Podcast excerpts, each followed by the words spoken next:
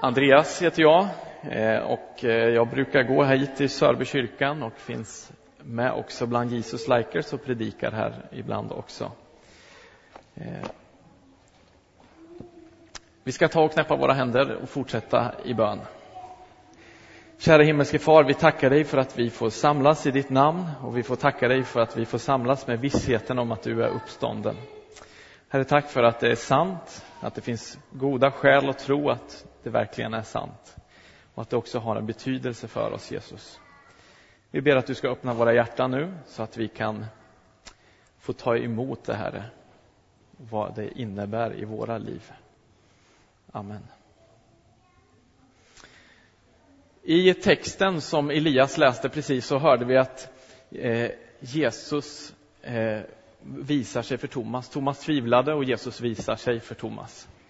Det finns många goda skäl till att tro att Jesus verkligen är uppstånden.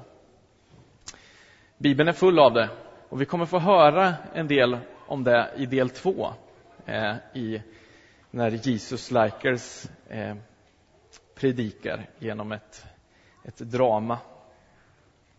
Men Paulus skriver på ett ställe att till och med våran tro är helt meningslös om det inte är så att Jesus verkligen har uppstått. Men vad är det då som gör att det är så viktigt att Jesus verkligen har uppstått på riktigt, att det är en historisk händelse?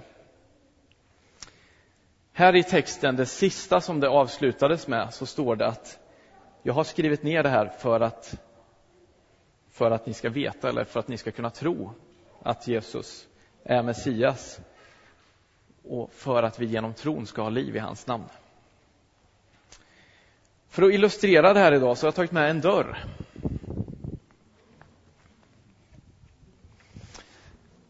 Det bästa hade ju varit att ha haft en riktig dörr, men det här är en garderobsdörr. Men ni får tänka er att det är en, en, en rumsdörr. Varför ha en dörr då? Eh, jo, man kan ju tänka att en dörr kan man använda till ganska många olika saker. Eh, jag vet inte hur ni har det. Om ni jobbar på ett kontor så kanske ni stänger till dörren när ni känner att nu vill jag vara ostörd och jobba i fred. Och hemma har vi en regel också att när jag sitter och ska förbereda en predikan eller om jag jobbar hemifrån, då stänger jag till dörren. Och då vet barnen att nu ska man inte gå in i det rummet. Eh, och man vet också att om jag ska gå in i det rummet, då ska jag ha verkligen goda skäl för att göra det. Men man kan ju också ha en dörr till andra saker. Jag gissar att det finns en hel del barn här som ibland kan tycka det är lite roligt att springa före sitt syskon. Man hör att syskonen säger jag behöver gå på toa. Och så springer det andra syskonet före, stänger dörren och låser. Kanske det har hänt någon gång. I alla fall har det hänt hemma hos oss. Så man kan använda det för att retas och stänga ute andra människor. Eller hur? Men man kanske också har varit med om att ens föräldrar har blivit arg på en och sagt att nu har du inte uppfört dig ordentligt, nu får du gå upp på ditt rum. Och så stänger de dörren om en också. Kanske har det hänt också. Men vad var det då som hände när Jesus uppstod? Jo, det står på ett ställe i Uppenbarelseboken, så står det så här. Se, jag har låtit en dörr stå öppen för dig en dörr som ingen kan stänga. Jag har öppnat en dörr för dig, en dörr som ingen kan stänga. Det innebär ju att det har varit en dörr som har varit stängd en gång. En dörr som har varit stängd, skilt oss ifrån gemenskapen med Gud. Men nu innebär det ju att dörren är öppen, även om inte vi har skött oss så som Gud ville alla gånger. Vi skulle behöva sitta på det där rummet och skämmas så säger Gud, dörren är öppen för dig, du får komma ut i frihet och leva tillsammans med mig. Och inte är det heller så att Guds dörr är stängd så att han har bara vissa kontorstider. Att du får komma och knacka den och den tiden. Eller nu, är, nu måste du ha ett väldigt viktigt ärende för att du ska få komma till mig. Nej, Guds dörr står alltid öppen. Och han vill alltid lyssna på dig, vad du än har på ditt hjärta. Sen vet vi också att det kan finnas, kanske har du erfarenhet av det i ditt liv, att det finns andra syskon som har bråkat med dig. Som säger att dörren är inte öppen för dig. Du kanske har gjort saker i ditt liv som du tycker att själv vet du att det, det smärtar dig väldigt mycket att du har gjort det här. Och det kanske är andra syskon som också påminner dig om det där du har gjort. Som säger att dörren är inte öppen för dig. Men vad läste vi? Vi läste i den här versen att dörren är öppen för dig. Det var det som hände när Jesus uppstod. Och ingen kan stänga den dörren. Inga syskon kan stänga den dörren.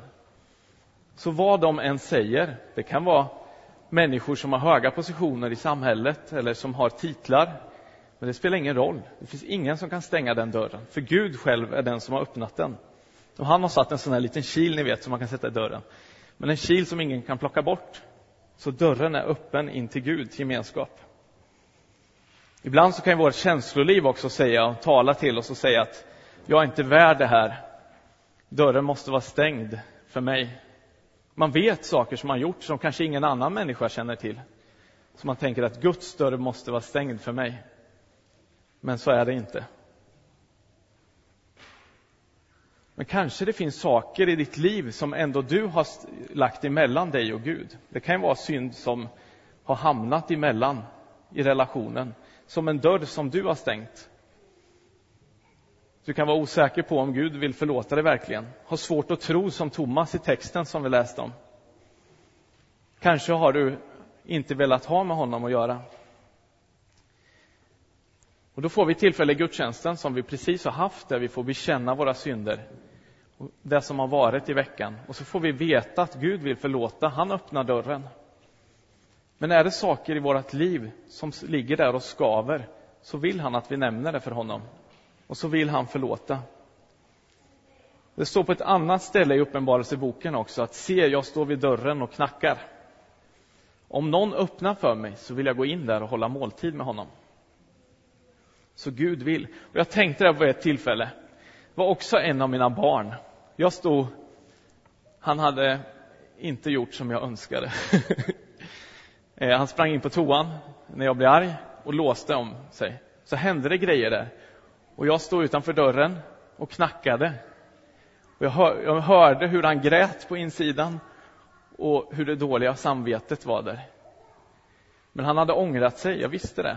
Så jag var inte längre arg. Jag stod och knackade och bad att han skulle öppna dörren för att jag skulle få komma in och trösta honom och förlåta honom. Så min önskan var inte dom. Jag önskade få komma in och förlåta och få trösta och vara tillsammans och krama om honom. Och det är den önskan Jesus har också för dig, att han ska få komma in i ditt liv. Att han ska få ta bort det som är emellan i relationen. Att dörren ska få vara öppen emellan oss. Så att ingenting, inget hinder ska få ligga däremellan. Utan vi kan få ha den här levande relationen med honom. Så se, jag har låtit en dörr stå öppen för dig som ingen kan stänga.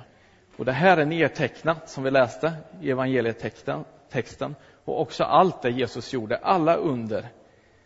Allt det som är nödvändigt för att vi ska ha, kunna tro att han verkligen var Guds son och att vi har liv i hans namn.